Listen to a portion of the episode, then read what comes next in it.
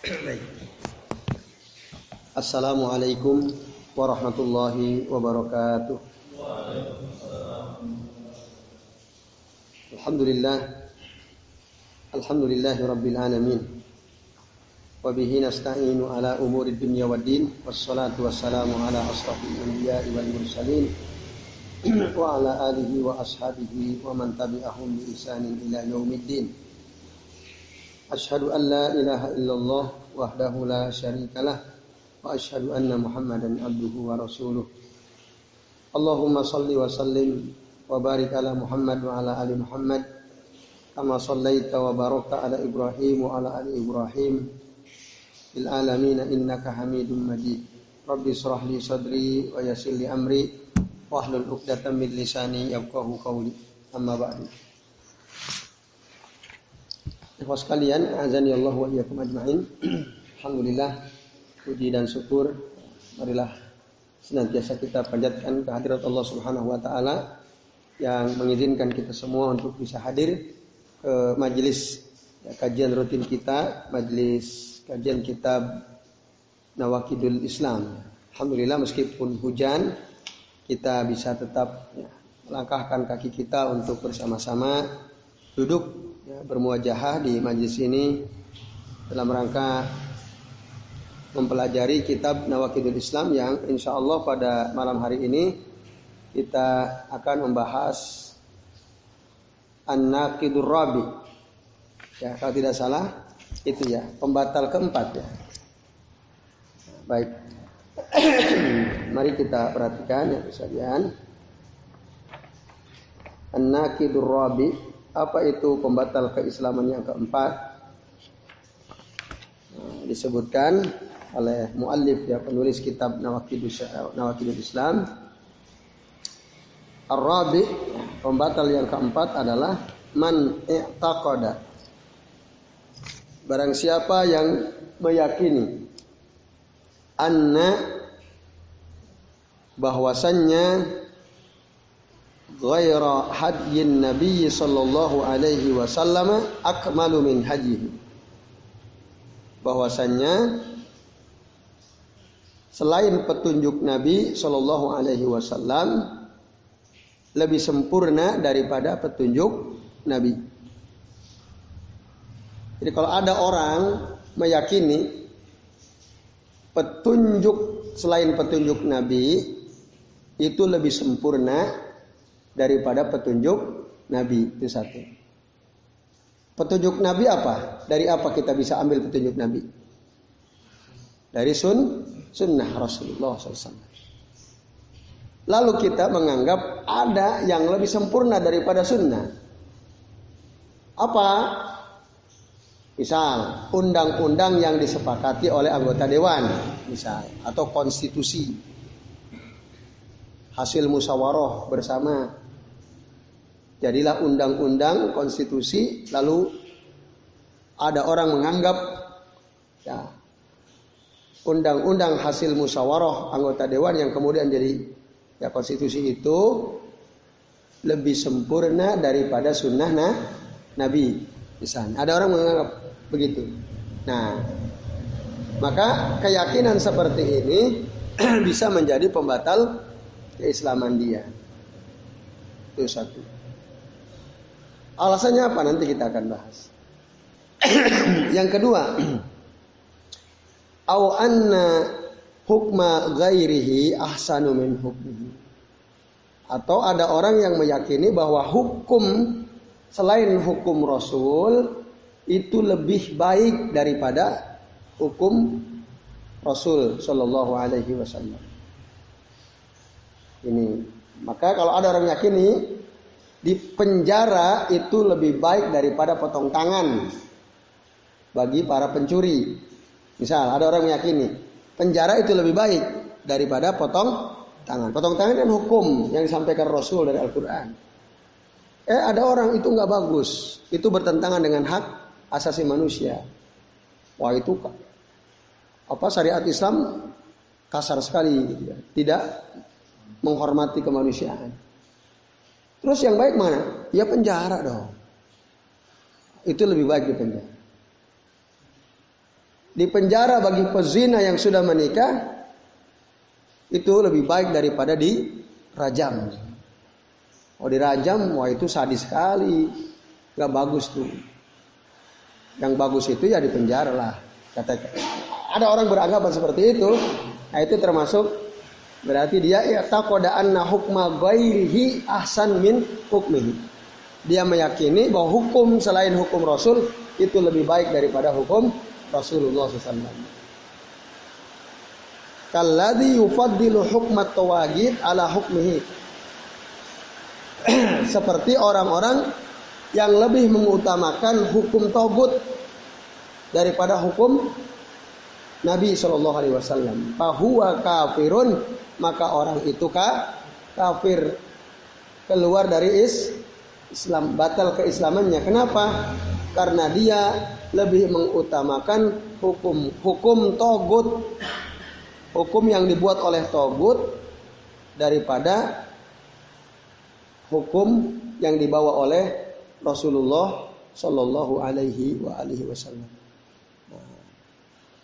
Itu dia ya togut itu apa togut sesuatu yang melampaui batas itu togut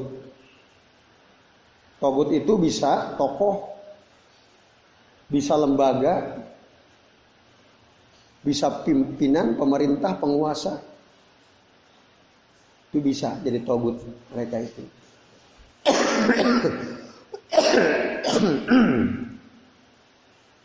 nah, jadi kalau ada orang mendahulukan hukum togut daripada hukum yang dibawa oleh Rasul Shallallahu Alaihi Wasallam, bahwa kafir, maka dia menjadi kafir, artinya dia batal keislamannya. Itu dia ikhwas kalian ya. Ini uh, an-naqidur rabi, ya, pembatal keislaman yang keempat. Lalu apa argumentasinya? Kok bisa orang yang meyakini bahwa petunjuk selain Nabi itu lebih sempurna daripada petunjuk Nabi, kok bisa jadi kafir? Kok bisa dianggap keluar dari Islam? Kok bisa batal Islamnya? Kenapa? Karena satu, ya, dia telah mengingkari satu ayat Allah Subhanahu wa taala. Bahkan ada banyak ayat yang dia ingkari ketika dia mengatakan bahwa petunjuk dan petunjuk Nabi lebih sempurna. Mana ayat yang diingkari olehnya? Satu, ya, dia mengingkari firman Allah Ta'ala surah Al-Qalam ayat 4. Dalam surah Al-Qalam ayat 4 Allah Ta'ala berfirman, Wa innaka dan sesungguhnya engkau Muhammad la ala khuluqin azim. Ya. Sesungguhnya engkau wahai Muhammad berada di atas akhlak yang mulia. Satu. Adakah orang yang lebih mulia daripada Rasul? Ada nggak? Ada nggak orang yang lebih terjaga syahwatnya daripada Rasul? Nggak ada. Nggak ada. Anggota dewan ketika dia membuat undang-undang mungkin enggak dibayar orang supaya ngikuti kemauan orang. Mungkin tidak? Mungkin. Nah. Kalau Rasul disogok mau enggak? Rasul disogok mau atau tidak? Enggak mungkin. Lah kok ada orang bilang petunjuk selain Nabi lebih baik daripada petunjuk Nabi. Berarti dia mengingkari ayat ini. Ayat keempat surah Al-Falaq.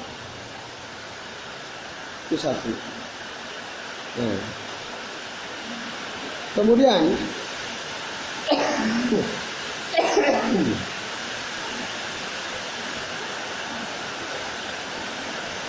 di dalam ayat yang lain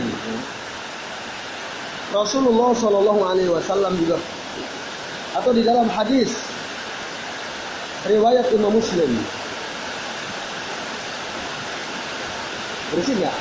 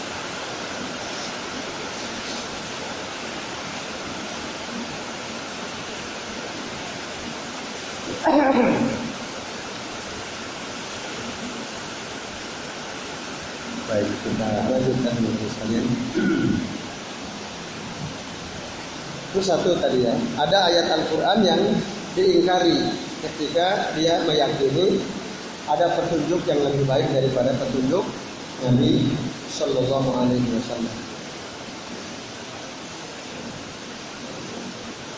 Yang kedua,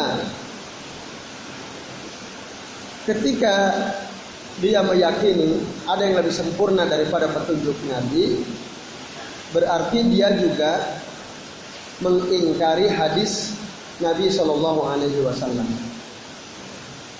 Di mana Nabi pernah berkata, bahkan sering diulang-ulang oleh Nabi perkataan ini di setiap mukadimah khutbahnya. Rasul sering mengatakan, ya, fa inna khairal hadisi kitabullah wa khairal hadyi hadyu Muhammadin sallallahu alaihi wasallam. Sesungguhnya sebaik-baik perkataan adalah kitab Allah dan sebaik-baik petunjuk adalah petunjuk Rasul Rasulullah. Hadis riwayat Muslim. Jelas ya? Rasul jelas bilang sebaik-baik petunjuk ya petunjuk Muhammad Kok ada orang berani meyakini bahwa petunjuk selain Muhammad itu lebih sempurna daripada petunjuk Muhammad. Berarti dia mengingkari hadis Nabi yang sahih ini. Nah, ini ya Bapak-bapak dan ikhwah sekalian, azan Allah wa Dan masih banyak lagi ya, dalil-dalil ya, yang menunjukkan bahwa Nabi itu manusia sempurna. Masih ingat cerita ketika ada orang Arab Baduy masuk ke masjid lalu dia kencing di salah satu pojok masjid. Sahabat marah atau tidak? Rasul marah enggak? Enggak. Ah, coba. Kan baik banget. Rasul bilang biarkan dia selesai kencingnya setelah itu siram bersihkan lalu dinasehati eh fulan sesungguhnya masjid itu dibangun tidak boleh untuk membuang kotoran, untuk kencing dan seterusnya. Sesungguhnya dia dibangun untuk zikir pada Allah, untuk sholat, untuk baca Quran, bukan untuk membuang kotoran. Itu hadis yang masyhur. Bahkan pernah Nabi punya hutang kepada seseorang. Lalu pada hari yang sudah disepakati hutang itu akan dibayar, orang yang memberikan piutang kepada Nabi datang, nagih hutang kepada Nabi. Jadi ingat, Nabi pernah hutang. Kalau ada di antara antum punya hutang, santai aja, Nabi juga pernah hutang. Apa? Ah, iya, ada ada contohnya, ya ada contohnya ada contohnya. Cuman jangan dilihat hutangnya toh, cara bayarnya juga dilihat. Cara bayarnya dilihat. Jadi jangan ambil sunahnya sebagian ditinggalkan sebagian. Harus semuanya. Nah, lalu di dalam hadis riwayat Imam Bukhari dan Muslim dari Abu Hurairah radhiyallahu anhu orang yang mempiutai Nabi yang ngasih hutang kepada Nabi pada hari yang sudah sepakati datang kepada Nabi nagih hutang kepada na, Nabi sampai-sampai langsung marah-marah nagih hutangnya langsung marah-marah kepada Nabi ya. nah dikatakan lamma ja'ahu rajulun yataqadahu dainan fa'aglabu 'ala nabi sallallahu alaihi wasallam fil qawli dia marah kasar omongannya kepada Nabi, "Eh Muhammad, mana uangku? Balikin." Kira-kira begitu. Rasul belum jawab, langsung diomongin kasar. Sahabat di sekitar Nabi marah. Kalau bahasa kita mohon maaf ya. Ini kasar sekali nih orang. Kalau dipukul apa gimana nih orang? Nah, marah sahabat. Karena Nabi dimarah-marahi. Walaupun memang betul Nabi punya hutang. Tapi menurut sahabat nggak begitu dong caranya. Yang sopan. Tapi ketika sahabat mau ya, menghardik orang ini, mau mencegah orang ini supaya tidak marah-marah kepada Nabi, apa kata Nabi? Da'uhu. Biarkan dia kata Nabi. Biarkan fa inna ya, li sahibil haqqi maqalan. Karena ya dia punya hak untuk berbicara karena dia memang ada hak dia pada diri Nabi SAW. Summa amara Rasulullah SAW bi an yu'tiya khairan mimma lahu 'ala nabiyyi fa ziyadatan. Lalu kemudian Nabi membayar hutangnya bahkan yang beliau bayarkan lebih baik dari apa yang diterima oleh Nabi dan Nabi tambahi. Tambahi itu. Jadi nambahi bayar hutang kalau itu atas kerelaan yang hutang itu tidak masalah. Jadi Nabi lebihkan. Ya, lebihkan. Dulu Nabi pernah pinjam hutang unta usianya satu tahun. Ketika dia datang untuk nagih, ya nggak ada yang satu tahun, maka Nabi ganti dengan unta yang lebih mahal, yang usianya lebih tua. Semakin tua kan semakin mahal. Ya itu. Nabi tambahi. Nah, lalu beliau mengatakan khairukum ahsanukum qadaa. Sebaik-baik kalian adalah orang yang paling baik ketika dia membayar hutangnya. Itu baik. Jadi kalau kita punya hutang ke seseorang, setelah kita bayar kita kasih hadiah sebagai bentuk terima kasih. Itu boleh. Kita tambahi boleh asal atas kerelaan kita yang hutang, bukan atas hutang si yang pemberi piutang. Nah ini di antara contoh-contoh ya, kebaikan Nabi Shallallahu Alaihi Wasallam maka sungguh sangat tidak beradab jika ada orang yang mengatakan ada yang lebih sempurna daripada hukum daripada petunjuk Nabi Shallallahu Alaihi Wasallam. Nah, teman-teman sekalian,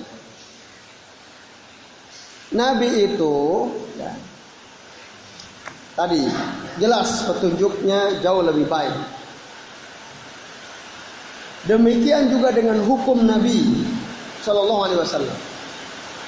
Nabi ketika menghukumi sesuatu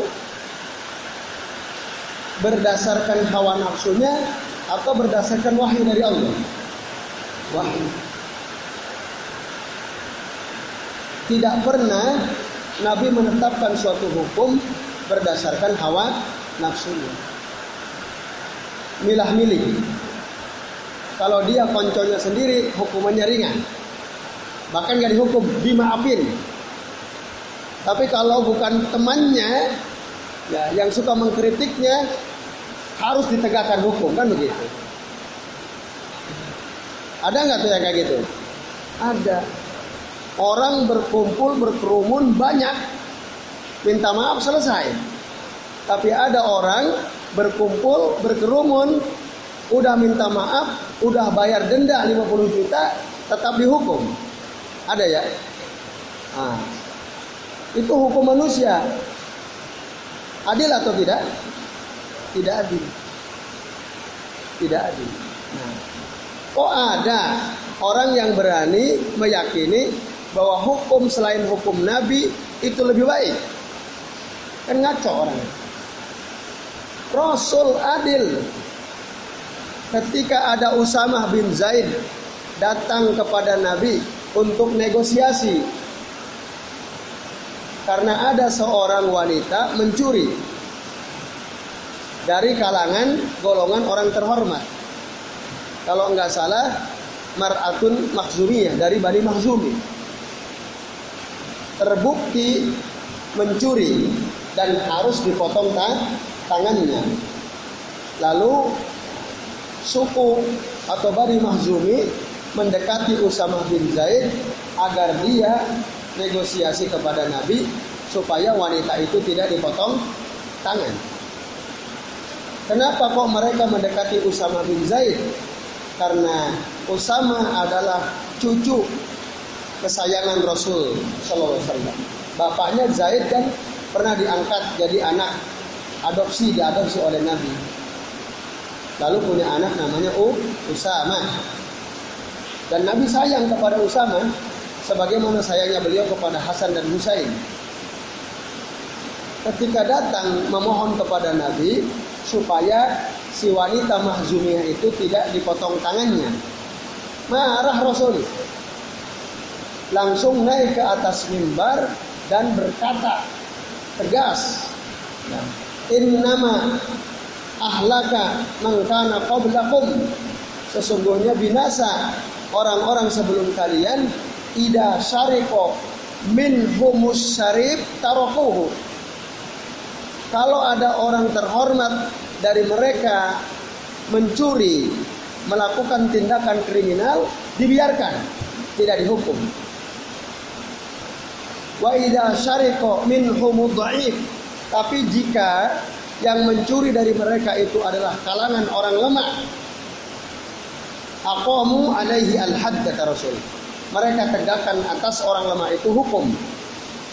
Tumpul ke atas, tajam ke bawah, tumpul ke teman, tajam ke pengkritik. Lalu Rasul melanjutkan, "Lau anna Fatimata binta Muhammadin sarifat la qata'tu yadaha." Seandainya Fatimah putrinya Muhammad mencuri, saya akan potong tangannya dia. Walaupun itu anaknya sendiri, hukum harus adil. Nah ini teman-teman sekalian. Orang yang telah tegas mengatakan seperti itu, kok dianggap diyakini hukumnya tidak lebih baik daripada hukuman daripada hukum yang dibuat oleh manu, manusia biasa. Maka orang yang meyakini hukum selain hukum Rasul itu lebih baik daripada hukum Rasul,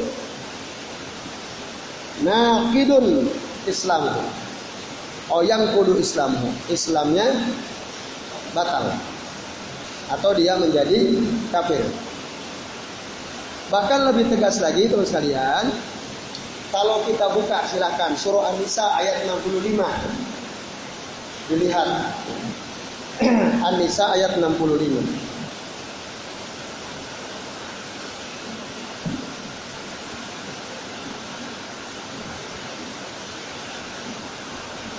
Allah Subhanahu wa taala berfirman, "Fala wa rabbika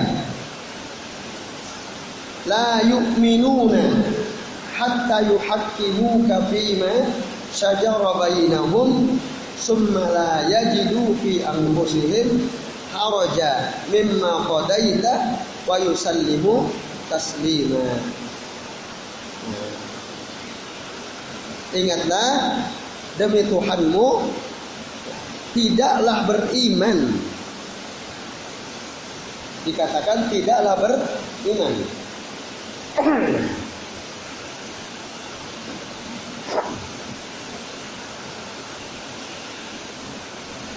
tidaklah beriman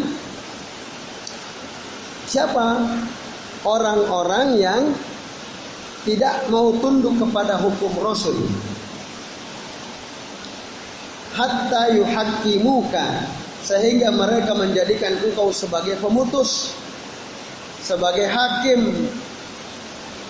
Fima syajara bainahum dalam perkara yang mereka berselisih di dalamnya summa la yajidu fi anfusihim haraja. Kemudian mereka tidak menemukan ada keberatan dalam diri mereka.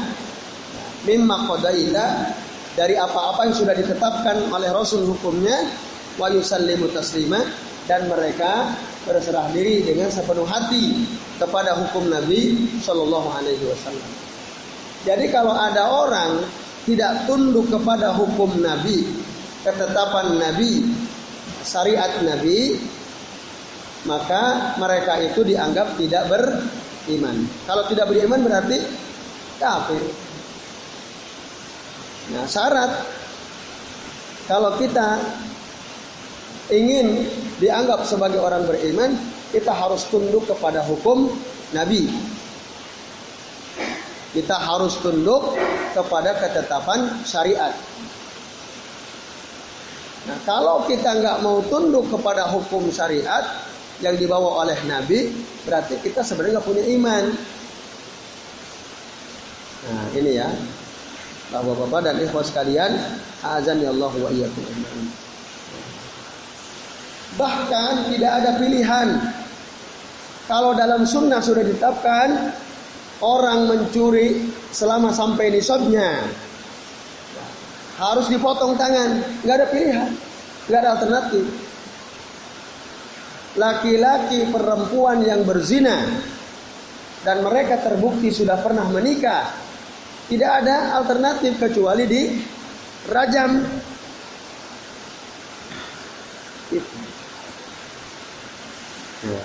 Kalau dia berpaling, tidak mau pakai hukum Nabi, berarti la yu'minun, dia tidak beriman. Nah, itu sekalian. Dengan keyakinan karena hukum Muhammad itu udah out of date. Nah, sudah tidak sesuai dengan zaman. Terlalu bengis misalnya. Masa orang berzina kok dirajam sampai mati kan bengis banget. Barbar katanya. Nah, dia meremehkan Allah dan Rasulnya. Kira-kira Allah tahu nggak apa yang paling maslahat untuk hamba-hambanya? Tahu. Allah maha tahu kan? Sami'un alim. Ketika Allah menetapkan suatu hukum, Allah udah ngerti bahwa itu yang terbaik. Itu yang ter terbaik. Maka dikatakan dalam surah Al-Ahzab ayat 36. Allah Subhanahu wa taala berfirman, "Wa ma kana lil mu'minin wala mu'minatin" dan tidaklah pantas untuk orang beriman laki-laki atau dan perempuan idza qadallahu wa rasuluhu. Ketika Allah dan Rasulnya sudah menetapkan amron suatu perkara an yakuna lahumul khiyaratu. Mereka punya alternatif pilihan. Itu nggak pantas ah saya nggak ini deh, saya milih yang ini aja. Hukum Quran Sunnah tinggalin aja. Dia milih yang lain, itu nggak layak, nggak pantas bagi orang beriman. Lalu Allah bilang apa? Wa may wa rasulahu. Barang siapa yang menentang Allah dan Rasulnya, mengingkari ketetapan Allah dan Rasulnya, faqad dhalla ba'ida. Maka sungguh dia telah sesat dengan kesesatan yang sangat jauh, sudah menyimpang jauh dia. Surah Al-Ahzab ayat 36. Nah ini ya, kalian rahimani wa rahimakumullah. Jadi nggak punya pilihan. Bahkan dalam surah An-Nisa dikatakan, "Wa man lam yahkum" Barang siapa yang tidak berhukum bima anzalallah dengan apa yang Allah turunkan, faulaika humul kafirun maka dia itu kafir. Yang bilang siapa? Allah. Kafir berarti kalau dia tadinya muslim, jadi batal keislamannya menjadi kafir. Dia nggak mau berhukum dengan hukum Allah.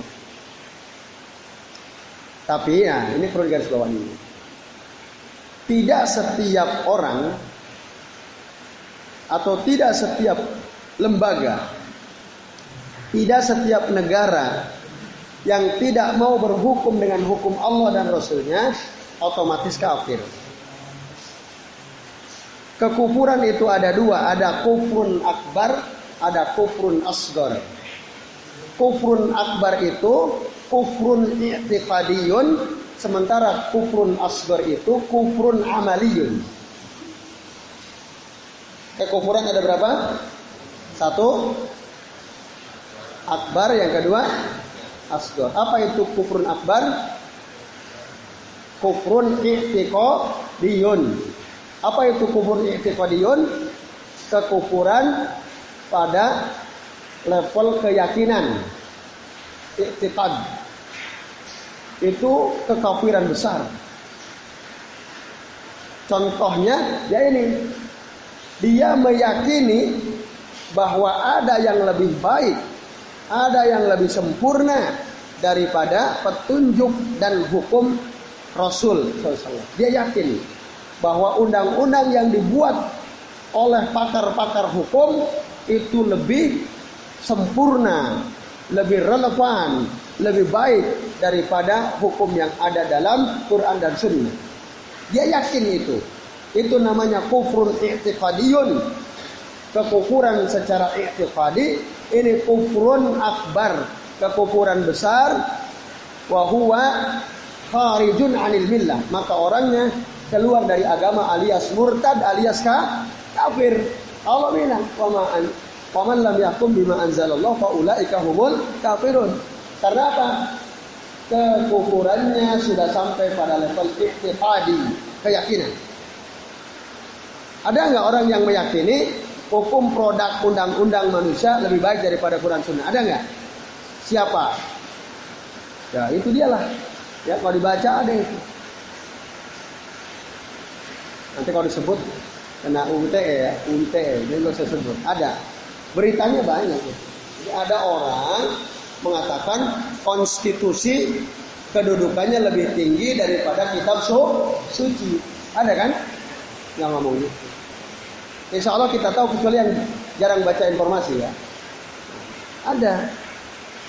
Itu, itu ngaco orang itu walaupun gelarnya profesor, doktor, nggak ada artinya itu.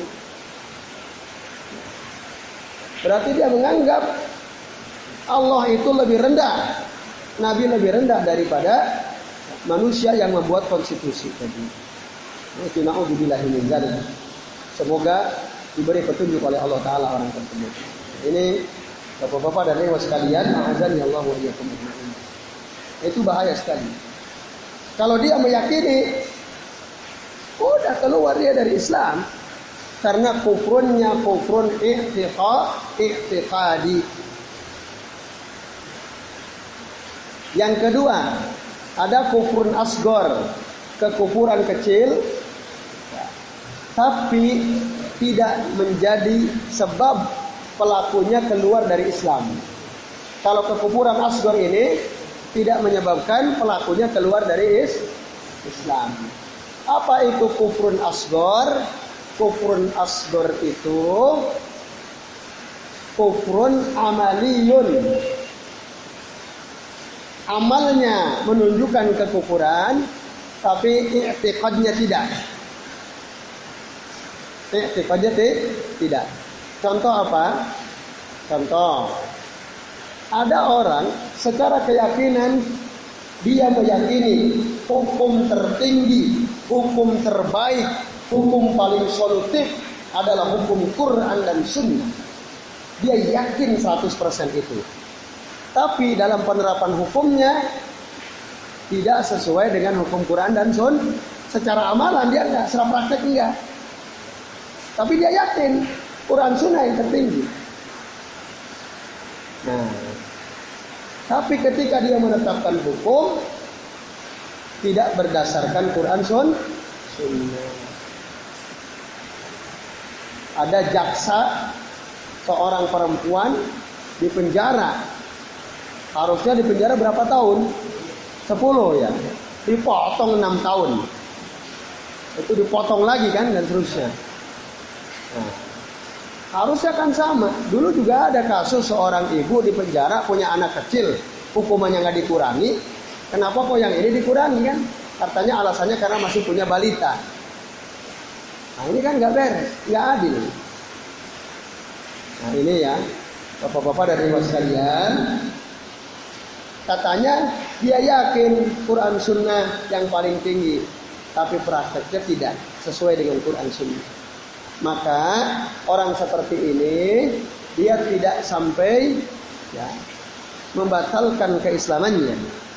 Tidak. Karena serak yakin dia yakin. Hanya saja dia berdosa karena menetapkan hukum tidak adil, tidak sesuai Quran Sun. Maka dalam Quran ada tiga ayat yang bunyinya mirip-mirip. Waman lam yahkum bima anzalallah itu ada tiga ayat di surat yang sama. Yang pertama faula humul kafirun. Yang kedua faula humul zalimun. Yang ketiga faula humul fasikun. Ada yang kafir, ada yang zalim, ada yang fasik.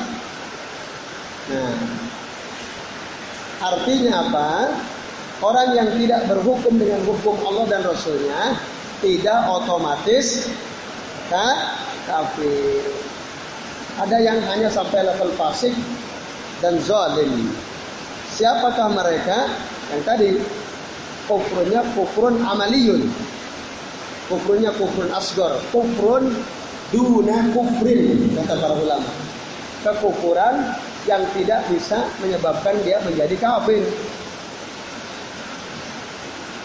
Kok bisa dia yakin bahwa hukum Allah dan Rasulnya lebih sempurna, lebih baik, tapi akhirnya dia memutuskan tidak sesuai dengan hukum Allah. Satu karena dia mendapatkan uang dari orang yang berperkara, Pak, tolong jangan hukum saya lama-lama, nanti tak kasih uang 1 M. Oh iya siap siap. Nanti tak cari-cari alasan. Nah, karena syahwatnya itu. Nah, ini maka orang yang seperti itu orang zalim, orang fasik. Tidak sampai keluar dari is Islam. Nah, ini bahasanya. Jadi itu bedakan antara kufrun i'tiqadiyun dengan kufrun amaliyun. Harus dibe dibedakan. Jangan disamakan. Jadi kesimpulannya tidak setiap orang yang tidak berhukum dengan hukum Allah otomatis kafir tidak. Tergantung apakah levelnya keyakinan atau levelnya secara praktek. Kalau levelnya keyakinan baru itu kah? Tapi levelnya hanya sampai pada tahap prakteknya saja, keyakinannya tidak, berarti dia tidak batal is Islamnya. nah ini dia teman-teman dan hadirin sekalian azan yang Allah. Baik, jelas ya. Kemudian jangan sampai kita meyakini hukum togut lebih baik, lebih sempurna. Lalu kita mendahulukan hukum togut hukum yang dibuat oleh pemerintah, hukum yang dibuat oleh tokoh, hukum yang dibuat oleh pimpinan. Itu nggak boleh. Kalau dia yakin hukum togut lebih sempurna daripada hukum Allah dan Rasulnya, bahwa kafirun, maka dia pun termasuk kafir.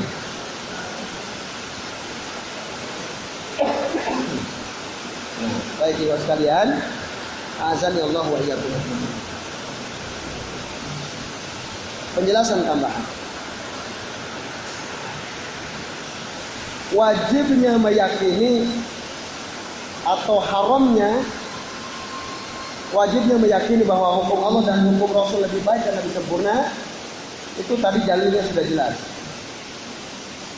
Maka otomatis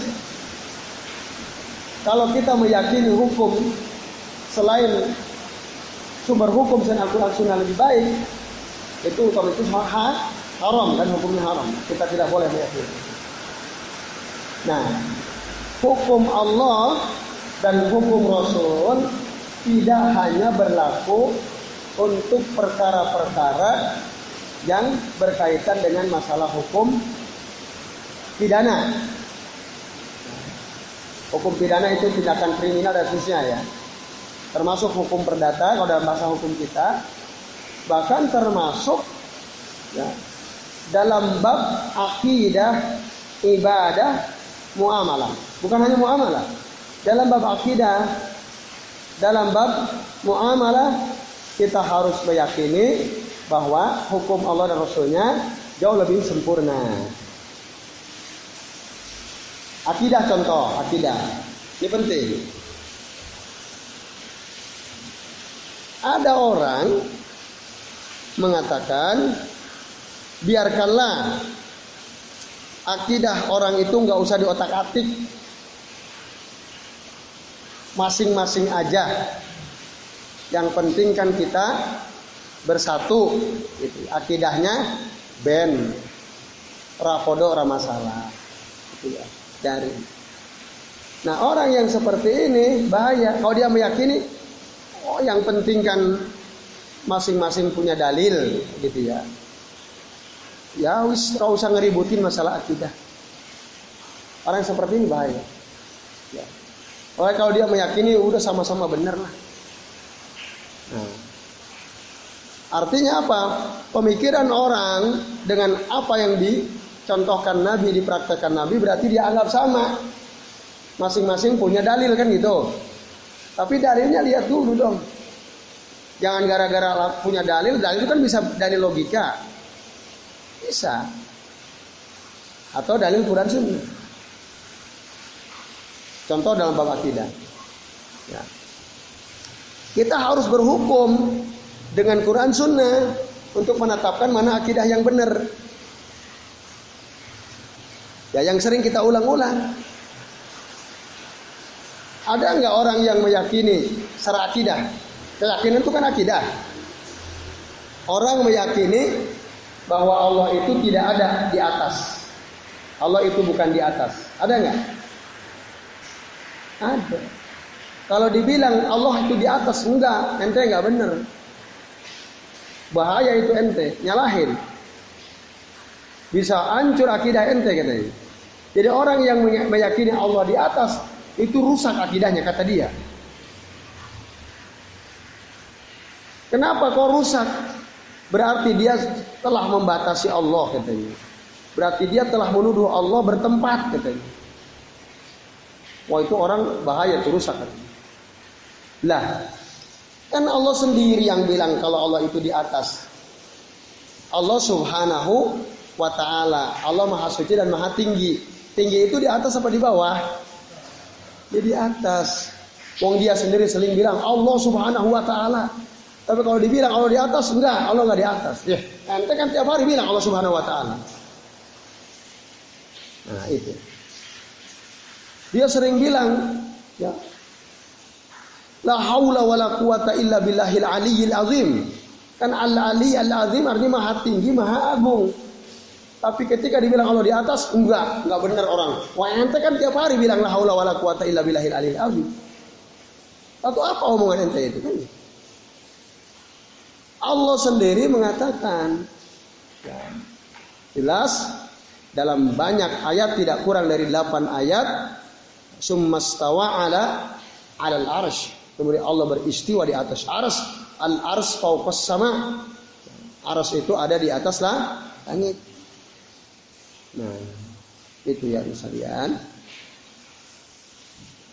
Nah, maka bahaya tuh kalau ada orang dia lebih menerima perkataan tokohnya. Baik tokoh Mu'tazilah atau Jahmiyah atau Asy'ariyah misalnya. Ikutin pemikiran tokohnya itu nggak bener kalau Allah dibilang di atas. Om Rasul waktu nanya seorang budak wanita, Aina Allah? Qadat Allahu fis sama. Allah ada di atas di langit sana. I'tikha. Bebaskan dia fa innaha mu'minah kata Rasul. Sesungguhnya si budak wanita ini beriman karena ketika ditanya di mana Allah, Allah di atas, Allah fis sama. Itu dari hadis Nabi Shallallahu alaihi wasallam.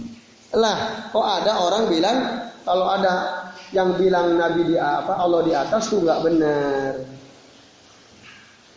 Ada tokoh yang belum lama meninggal dunia kan dia buat lagu akidah aswaja itu ya.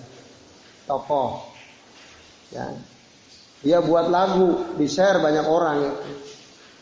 Barang siapa yang bilang Allah ada di atas, maka dia begini-begini. Nah, gitu ya. disalahkan dalam lagunya itu. Nah, orang menganggap lagu itu hebat, padahal banyak subhatnya. Ini terus sekalian, ini bahaya. Karena apa? Allah sendiri yang bilang, Rasul juga yang bilang. Berarti kalau kita menolak Allah ada di atas, kita menolak ayat Quran dan sun, sunnah. Nah, itu berbahaya sekali. Nah, jadi kata mereka, Ya, janganlah nakut-nakuti orang. Ya. Jadi akidah itu biarlah itu urusan masing-masing. Kita bebas mau ikut akidah mana saja silahkan. Udah, yang penting kita bersatu. Kita saling toleransi dalam keyakinan masing-masing. Nah ini subhat betul kayak perkataan seperti ini. Yang salah harus disalahkan. Yang salah harus dinasehati. Bukankah Nabi pernah mengatakan ad-dinu an-nasihah. Agama itu na nasihat. An-nasihatu lillah wali kitabihi wali rasulihi wali a'immatil muslimin wa ammatihim. Agama itu nasihat untuk Allah, untuk kitabnya, untuk rasulnya, untuk pemimpin kaum muslimin dan untuk kaum muslimin pada umumnya. Artinya kalau ada orang Islam salah dalam akidah, kita harus luruskan. Kita harus nasih, nasihati, jangan ditoleransi. Ah ben, itu urusan masing-masing. Bukankah Nabi mengatakan man ra'a minkum ya, mungkaran barang siapa di antara kalian melihat kemungkaran orang yang akidahnya menyimpang mungkar atau tidak? Mungkar. Fal yughayyirhu bi yadihi fa illam yastati fa bi lisanihi fa illam yastati fa bi qalbihi. Dia suntikan. Dia cegah dengan tangannya. Kalau nggak bisa dengan lisannya dia nasihati. Kalau nggak bisa dengan hatinya fadzalika adhaful iman dan itu selemah-lemah iman. Nah, itu artinya teman-teman sekalian, kalau ada orang keliru dalam masalah akidah, itu harus dinasehati, harus dilu, diluruskan. Jangan dibiarin. Karena kita disuruh untuk amar ma'ruf nahi mungkar. Kalau ada orang yang membiarkan, biarin sajalah. Itu kan pilihannya dia manusia punya kebebasan untuk memilih akidah yang mana fahadha kalamun batil. Ini adalah perkataan yang batil. Berarti dia tidak berhukum dengan Quran dan Sunnah. Maka terus kalian dalam bab akidah itu apalagi akidah harus betul-betul sesuai dengan Quran dan Sun Sunnah. Jangan sampai ada yang melenceng. Kalau ada di sekitar kita yang melenceng kita harus ingatkan. Nah ini dan kita harus ajarkan akidah yang benar harus diajarkan. Akidah yang keliru harus disampaikan. Tadi ya, akidah Jahmiyah, akidah Mu'tazilah, akidah Syiah, akidah Asy'ariyah itu menyimpang. Nah, tadi salah satunya yang menolak meyakini bahwa Allah itu di atas mereka tolak. Nah, itu penyimpangan akidah. Nah, ini Bapak-bapak dan ikhwas sekalian, azan ya Allahu wa iyyakum ajma'in. Jadi jangan sampai kita ikut-ikutan mengatakan utrukun nas la tunaffiruhum. Biarkan orang-orang itu terserah. Jangan ditakut-takuti mereka. Biarin aja. Yang penting rukun di kampung kita. Gak usah ganggu soal ibadahnya, gak usah ganggu soal akidahnya salah, benar, kita nggak tahu. Ya ente nggak ngaji, saya nggak tahu ente. Ya harus saya ente tahu mana yang benar. Kan gitu. Yang benar mana? Yang sesuai dengan Quran dan Sun, Sunnah. Maka kita harus tahu. Oleh karenanya Nabi mewajibkan kepada kita untuk nuntut il, il supaya apa? Supaya kita tahu mana yang benar, mana yang keliru. Ibadah begitu juga. Yang salah ya salahin. Jangan ganggu kebiasaan ibadah orang. Ente bikin perpecahan. Enggak. Bukan. Apakah menasehati membuat perpecahan? Tidak. Taklim seperti ini nasihat apa bukan? Nasihat. Ketika menyebut yang keliru, itu provokasi atau untuk memberikan contoh bahwa ini keliru? Contoh. Provokasi sama memberi contoh sama atau tidak? Tidak. Yang salah harus diungkap. Ini salah. Kenapa? Karena tidak sesuai dengan sun, sunnah. Maka barang siapa orang yang melakukan suatu amalan yang tidak sesuai dengan sunnah itu sah, salah. Apa provokasi ngomong seperti itu? Ya enggak. Contohnya apa? Contohnya A, B, C. Eh amalanku kamu singgung-singgung. Ya kalau amalan anda salah, harus dikatakan salah bukan memprovokasi. Karena apa yang ente amalkan tidak sesuai dengan sun, sunnah. Itu. Kita harus berhukum kepada Al-Quran dan sunnah. Al-Quran sunnah. Kan Rasul bilang, Allah mengatakan, Atiullah wa atiur Rasul. wa ulil amri minkum fa in tanaza'tum fi syai'in farudduhu ila Allah war war rasul. Kalau kita berdebat beda pendapat, ya harusnya kembali pada Quran sun, sunnah kepada Allah dan Rasul. Jangan kepada tokoh lagi. Wah, enggak, menurut kiaiku begini. Nanti kembali ke tokoh. Kan kita berdebat. Kita beda pendapat. Allah sendiri nyuruh ke kita, kalau kita beda pendapat, tokoh itu nggak usah jadikan rujukan. Rujukannya apa? Ya Quran Sunnah. Ya apa ente bisa memahami ya? Sebagian bisa, mungkin sebagian tidak. Ketika kita nggak bisa ya kita baca tafsirnya kan itu. Kita baca penjelasan para ulama tentang tafsir yang kita akan pahami. Nah, kan seperti itu. Nah, ini dalam masalah ibadah kita harus juga berhukum kepada Quran dan sun, sunnah. Jangan sampai kita menganggap perkataan kiaiku itu lebih baik daripada ayat Quran dan sunnah nah, Nabi. Kata kiaiku ini boleh. Para kata Quran enggak boleh. Itu. Sampai kemarin ada orang begini. Orang Islam sekarang itu aneh-aneh. Ada orang gara-gara dia mengucapkan kalimat la ilaha illallah meskipun 60 tahun sebelumnya dia kafir lalu pada usia 60 tahun setengah dia masuk Islam tentu dia mengucapkan kalimat tauhid kan asyhadu alla ilaha illallah wa asyhadu anna muhammadan rasulullah Islamnya Wong orang 60 tahun kafir, suatu hari dia mengucapkan itu jadi muslim. Kok ada orang gara-gara la ilaha illallah disebut sesat katanya. Kan ngaco. Kata ada orang ini orang linglung bilang begitu. Contohnya kata dia, masa orang gara-gara tahlilan dibilang sesat? Wong orang yang 60 tahun kafir bilang la ilaha illallah langsung masuk Islam. Ini orang udah Islam 60 tahun tahlilan kok dibilang sesat? Ngaco kan orang itu kata dia. Masuk akal logikanya kan. Oh iya juga kan gitu. Nanti jahil gitu. Kenapa orang mengucapkan la ilaha illallah gara-gara itu kok bisa dibilang sesat? Nah, artinya dia kan pengen tahu gimana argumennya, kan gitu. Dia bilang ini kata guru saya, jadi ngaco. Saya ngomong bukan saya ngomong ini guru saya yang ngomong kata dia. Beberapa hari yang lalu saya ngobrol sama orang itu ya. Nah, tapi ya saya iya kan aja. Karena momentumnya kalau saya langsung langsung luruskan nggak efektif. Belum begitu akrab.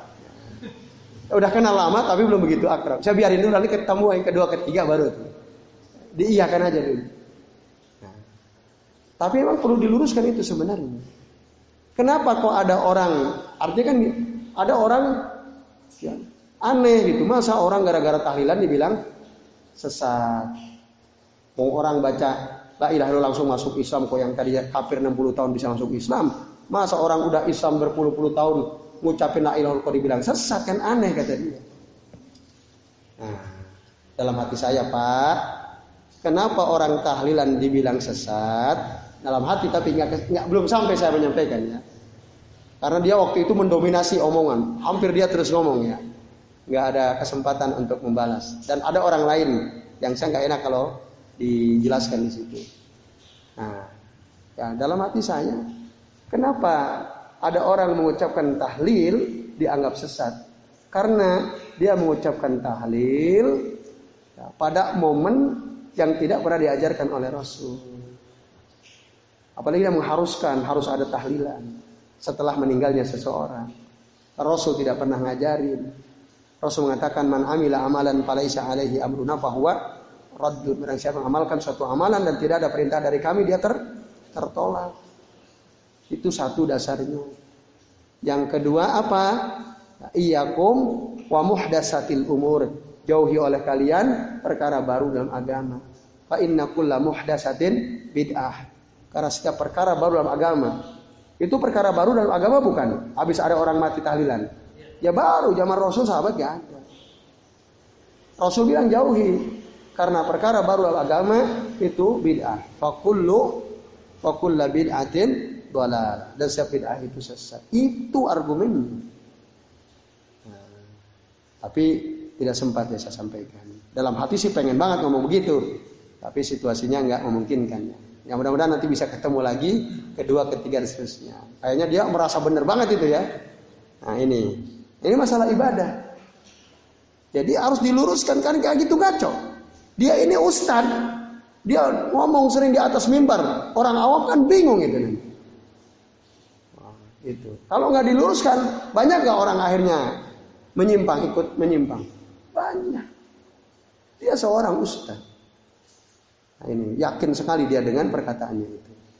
Nah, ya Rob, dalam hati saya saya sedih astagfirullahaladzim. Oh, ada Wah, dia ngutip ayat ini itu pun ngutap ngutipnya bingung dia aduh lupa saya lupa saya keliru-keliru gitu ya tapi semangat itu untuk membenarkan apa yang dia ya yakini ini ya terus kalian jangan sampai ya, itu dibiarkan karena kalau dibiarkan ya di masyarakat nanti bingung masyarakat nah ini ya jadi hati-hati perkataan biarkanlah itu nggak usah diributkan masing-masing saja. Nah, ini perkataan subhat. Pokoknya setiap kekeliruan dalam akidah, dalam ibadah, dalam muamalah harus di lu harus diluruskan. Jangan sampai orang punya keyakinan bahwa ini dari guru saya bahwa habis orang mati itu diadain acara tahlilan. Kan orang yakin jadinya. Para Rasul nggak pernah kan nyontohin dan mempraktekkan itu. Nah itu nanti akhirnya apa? Dia akan meyakini bahwa mengadakan tahlilan saat kematian seseorang itu yang sempurna, itu yang paling baik. Kan bahaya itu kalau dibiarkan. Kok nggak diluruskan? Nah, ini ya. Bapak-bapak dan ikhwas kalian, azan Allah ya Maaf, saya mengulang-ulang contoh itu yang paling mudah lah, yang sering terjadi di tengah-tengah kita kan, nah, supaya mudah dicerna. Dulu Nah ini orang munafik kayak gitu bahaya sekali ya. Jadi ada orang ngakunya ya beriman kepada Allah dan Rasul ya ngakunya tapi ketika menetapkan hukum tidak kembali kepada Quran sun sunnah ngikuti tokoh-tokohnya itu ada orang yang tadi saya kasih contoh itu kan dia ngikutin tokoh dia bilang ini kata guru saya kan gitu dia enggak nyebut hadis Nabi bagaimana, ayatnya bagaimana. Enggak. Dalam konteks itu dia hanya menyebut ini kata guru saya. Togut berarti kan dia mengedepankan gurunya daripada Quran sun sunnah. Kalau ada dalam Al-Quran ada dalam sunnah penjelasannya. Nah ini maka terakhir sekalian di dalam surah An-Nisa ayat 60 sampai 61. Di situ Allah Taala menjelaskan Alam ila alladziina yaz'umun annahum amanu bima unzila ilaika wa ma unzila min qablik. Tidaklah engkau melihat. Atau bagaimana menurutmu? Atau ya, tidaklah engkau melihat. Alladzina yaz'umun. Orang-orang yang mengaku annahum amanu. Bahwa mereka beriman. Bima unzila ilaik. Dengan apa yang telah diturunkan kepadamu Muhammad. Wa ma unzila min qablik. Dan kepada apa yang diturunkan kepada sebelummu nabi dan rasul sebelummu. Yuriduna ayyatahakamu ila tagut tapi ketika mereka akan memutuskan suatu perkara hukum mereka menetapkan perkara hukum ini dengan togut katanya beriman sama Al-Quran kitab-kitab sebelum Quran tapi saat ada masalah saat ada perselisihan, dia kembalinya kepada to, togut. Yuriduna ayyatahakamu ila togut. Kata guru saya, bukan kata Nabi, tapi kata guru saya. Berarti kan mendahulukan perkataan gurunya daripada perkataan nah, Nabi. Itu togut. Wa umiru an yakfuru bihi. Padahal mereka diperintah oleh Allah untuk mengingkari togut, tapi mereka malah berhukum dengan to togut. Wa yuridu syaitanu dan syaitan itu memang menginginkan an yudillahum dhalalam ba'ida. Memang syaitan itu ingin menyesatkan mereka. Nah, wa idza qila lahum apabila dikatakan kepada mereka ayat 61-nya, ta'alau ila ma anzalallah wa ila rasul. Mari kembali kepada apa yang telah diturunkan Allah, kepada apa yang diturunkan kepada Allah oleh oleh Allah kepada Rasulnya. Ra'aital munafiqina yasudduna anka sududa. Tapi engkau melihat orang-orang munafik itu menghalang-halangi dengan keras ya. Jangan berhukum dengan Quran Sunnah. Udah berhukum sesuai dengan perkataan tokoh ini itu saja. Nah, ikhwas sekalian, ayat ini ada sebab turunnya. Jadi dulu ada orang-orang ngaku beriman kepada Allah dan Rasulnya, ngaku beriman kepada Al-Quran. Lalu terjadilah perselisihan antara orang itu dengan orang Yahudi. Dia ngaku saya beriman kepada Allah dan Rasulullah. Saya beriman kepada Quran. Lalu ada kasus yang terjadi antara dia dan orang Yahudi, lalu ada perselisihan. Dan itu hukumnya harus diselesaikan. Lalu ya, orang Yahudi bilang, Nataha kamu ila Muhammad. Mari kita berhukum kepada Muhammad. Orang Yahudi aja bilang, mari kita berhukum kepada Muhammad. Kenapa? Karena orang Yahudi yakin Muhammad nggak mungkin zalim. Muhammad nggak mungkin menerima sogokan. Ayo kalau kita ingin tahu mana yang benar pada perkara yang kita perselisihkan ini, kata orang Yahudi, mari kita ke Muhammad. Eh orang yang ngaku pengikut Muhammad, dia bilang wakal natahakamu ila Ka'ab bin al-Asraf katanya. Enggak. Kita berhukum kepada si Ka'ab bin Asraf saja tokoh Yahudi itu. Gak usah ke Muhammad. Kenapa? Karena dia tahu Ka'ab bin Asraf ini bisa disogok. Bisa disogok. Siapa yang nyogok paling besar dia yang menang. Si orang munafik yang ngaku dia beriman kepada Rasulnya ini, dia justru ngajak orang Yahudi, kita berhukum kepada Ka'ab bin Al-Asraf saja deh. Gak usah ke Muhammad katanya.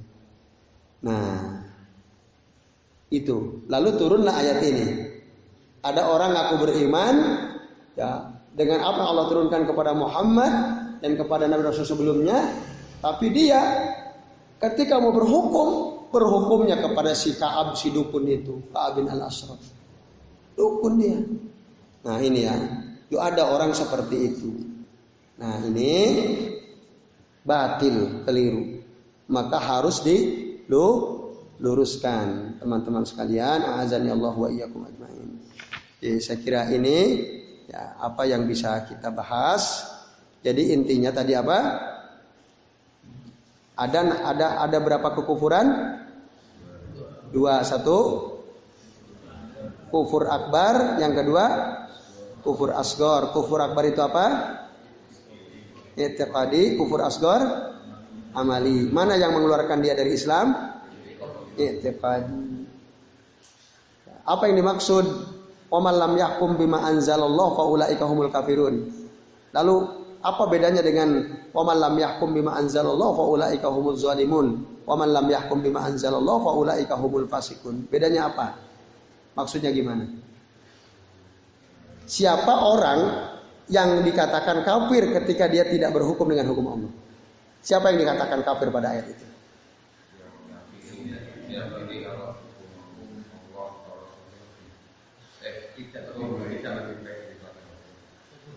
Ah, itu. Itu yang kufurnya itikadi. Ya. Dia memandang bahwa hukum saya hukum Allah Rasul lebih baik. Atau atau minimal sama, menganggap sama. Itu juga batal Islam.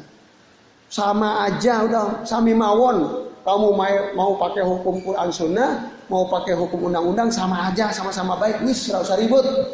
Itu sama, menganggap sama, sederajat antara Allah, Rasul dan orang-orang. Itu juga kufrun i'tiqadi. Kalau dia meyakini, wis sama podo wae.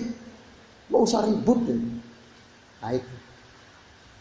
Terus pertanyaan berikutnya, siapa yang disebut zalim atau fasik? Padahal dia tidak berhukum dengan hukum Allah.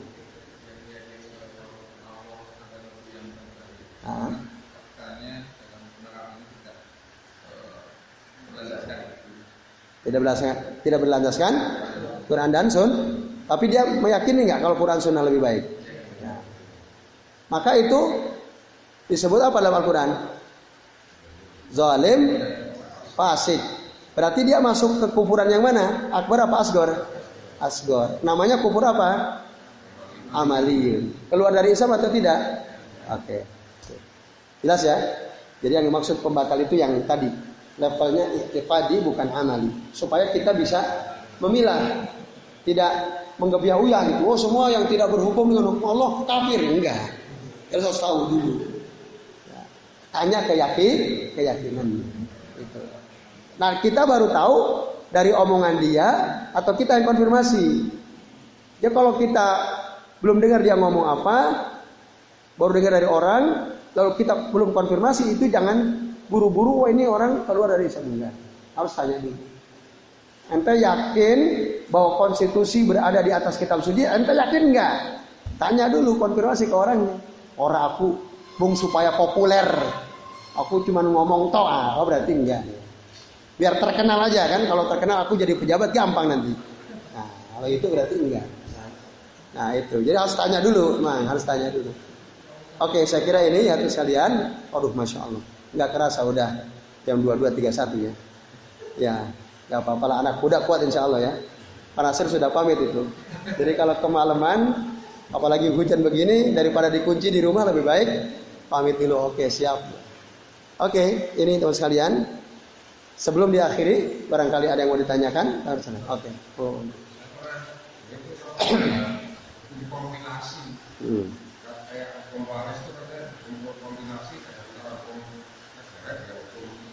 Ya.